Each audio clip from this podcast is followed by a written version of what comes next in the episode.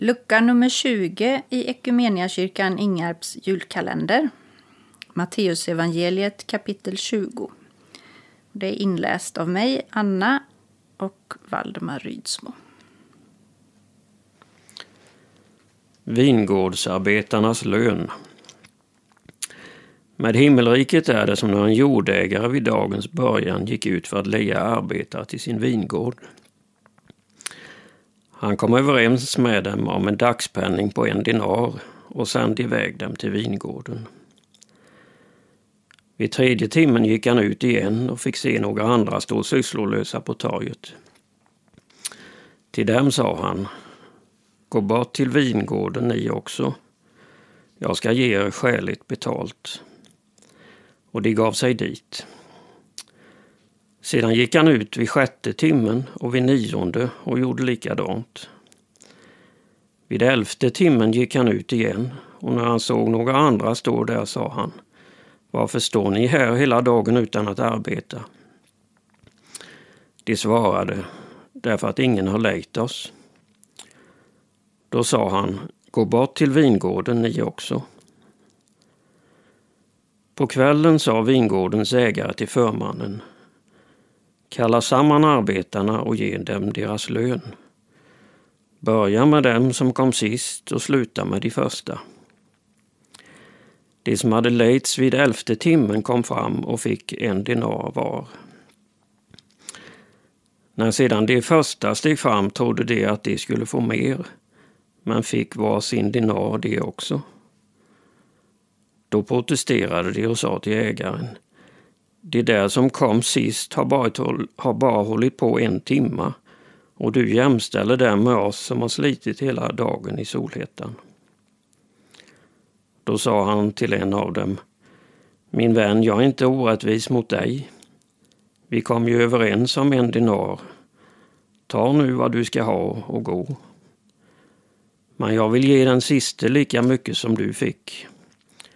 Har jag inte rätt att göra som jag vill med det som är mitt? Eller ser du med onda ögon på att jag är god? Så skall de sista bli först och de första sist. Så kommer tredje förutsägelsen om Människosonens lidande. Under vandringen upp mot Jerusalem samlade Jesus de tolv lärjungarna omkring sig och sa till dem på vägen. Vi går nu upp till Jerusalem Människosonen ska utlämnas åt översteprästerna och de skriftlärda och de ska döma honom till döden och utlämna honom åt hedningarna för att han ska hånas och pryglas och bli korsfäst och på den tredje dagen ska han uppstå. Och så har vi om lärjungarna som ville ha hedersplatsen. Sedan kom Sebedaios sönernas mor fram till honom tillsammans med sina söner och föll på knä för att be honom om något. Han frågade vad hon ville och hon sa Lova mig att mina båda söner får sitta bredvid dig i ditt rike, den ene till höger och den andra till vänster. Jesus svarade Ni vet inte vad ni ber om. Kan ni dricka den bägare som jag ska dricka?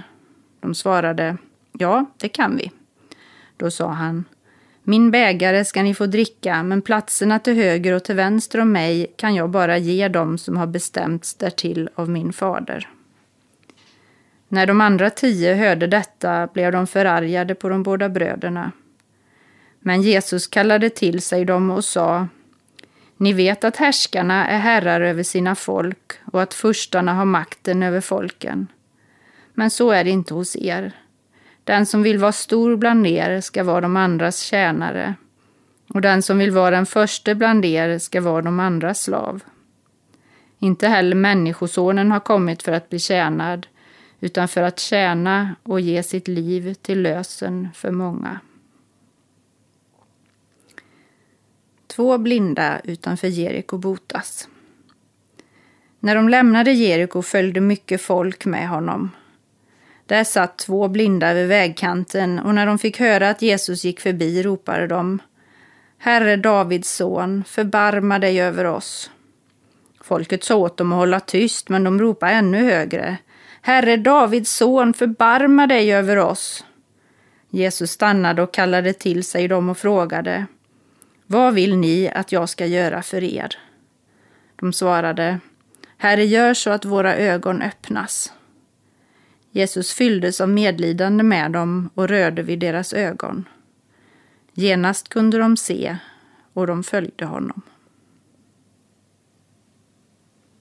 Vi ber. Herre Jesus Kristus, du står framför mig. Du är också bakom mig. Du är vid min vänstra sida. Du är vid min högra sida. Du är över mig. Du är under mig. Du omger mig på alla sidor.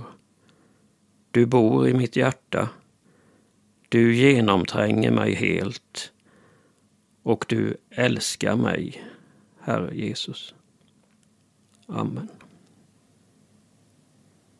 Vi ska lyssna på en sång som heter Floden. Eh, och det är Bo Kaspers Orkester som, som um, sjunger och spelar. Och um, den är skriven av en norsk präst och musiker. Ehm, och den handlar om det här med att varför vill man inte vara nära Jesus hela tiden? Varför är det så svårt och varför kommer man vilse? Vi har ju läst här de här texterna om att vi har en Gud som inte belönar de som är starkast och uthålligast och, och så mer, utan det finns plats för oss alla och lön för oss alla. Och det handlar också om att, att eh, en, en Gud som vill göra oss seende och som, vill, som ser våra behov och, och som är annorlunda på så många sätt och god på så många sätt. Och så är det ändå så svårt att alltid hålla blicken fäst på honom och med honom. Så det handlar den här sången om. Floden.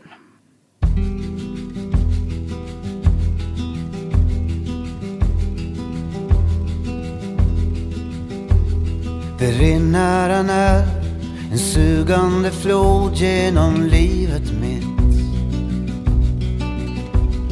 Jag uppfylls av mildhet och frid när jag vadat ut i dess mitt. Och var gång som jag vågat att bada i den blir jag hel och ren. Och jag känner ett lindrande ljus gå genom märg och ben. Nu undrar jag varför jag inte badar mer. Varför, varför när jag vet att det och goda som det ger. Det kan nästan verka som jag försöker att undgå dig. Att jag känner mig rädd för nåden och glädjen som du skänker mig förunderligt, förunderligt. Finns en brunn, en källa till liv i min egen kropp. När jag druckit av den fylls jag av klarhet och saknat hopp. Var gång som jag vågat att dricka ur den blir jag hel och ren. Och jag känner ett lindrande ljus gå genom märg och ben.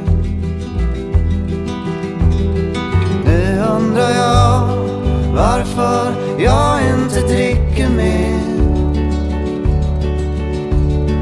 Varför, varför när jag vet allt det ljusa och goda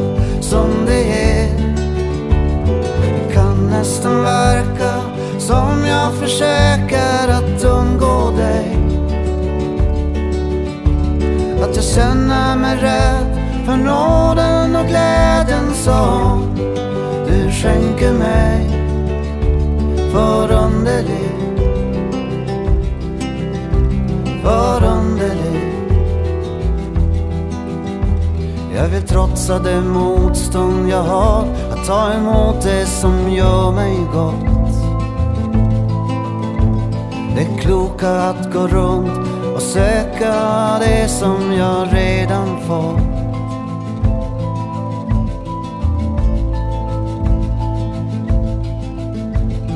Nu undrar jag varför jag inte badar mer.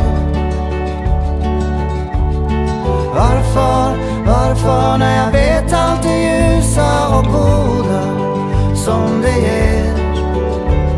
Det kan nästan verka som jag försöker att undgå dig. Att jag känner mig rädd för nåden och glädjen som du skänker mig. För Förunderlig. Förunderlig.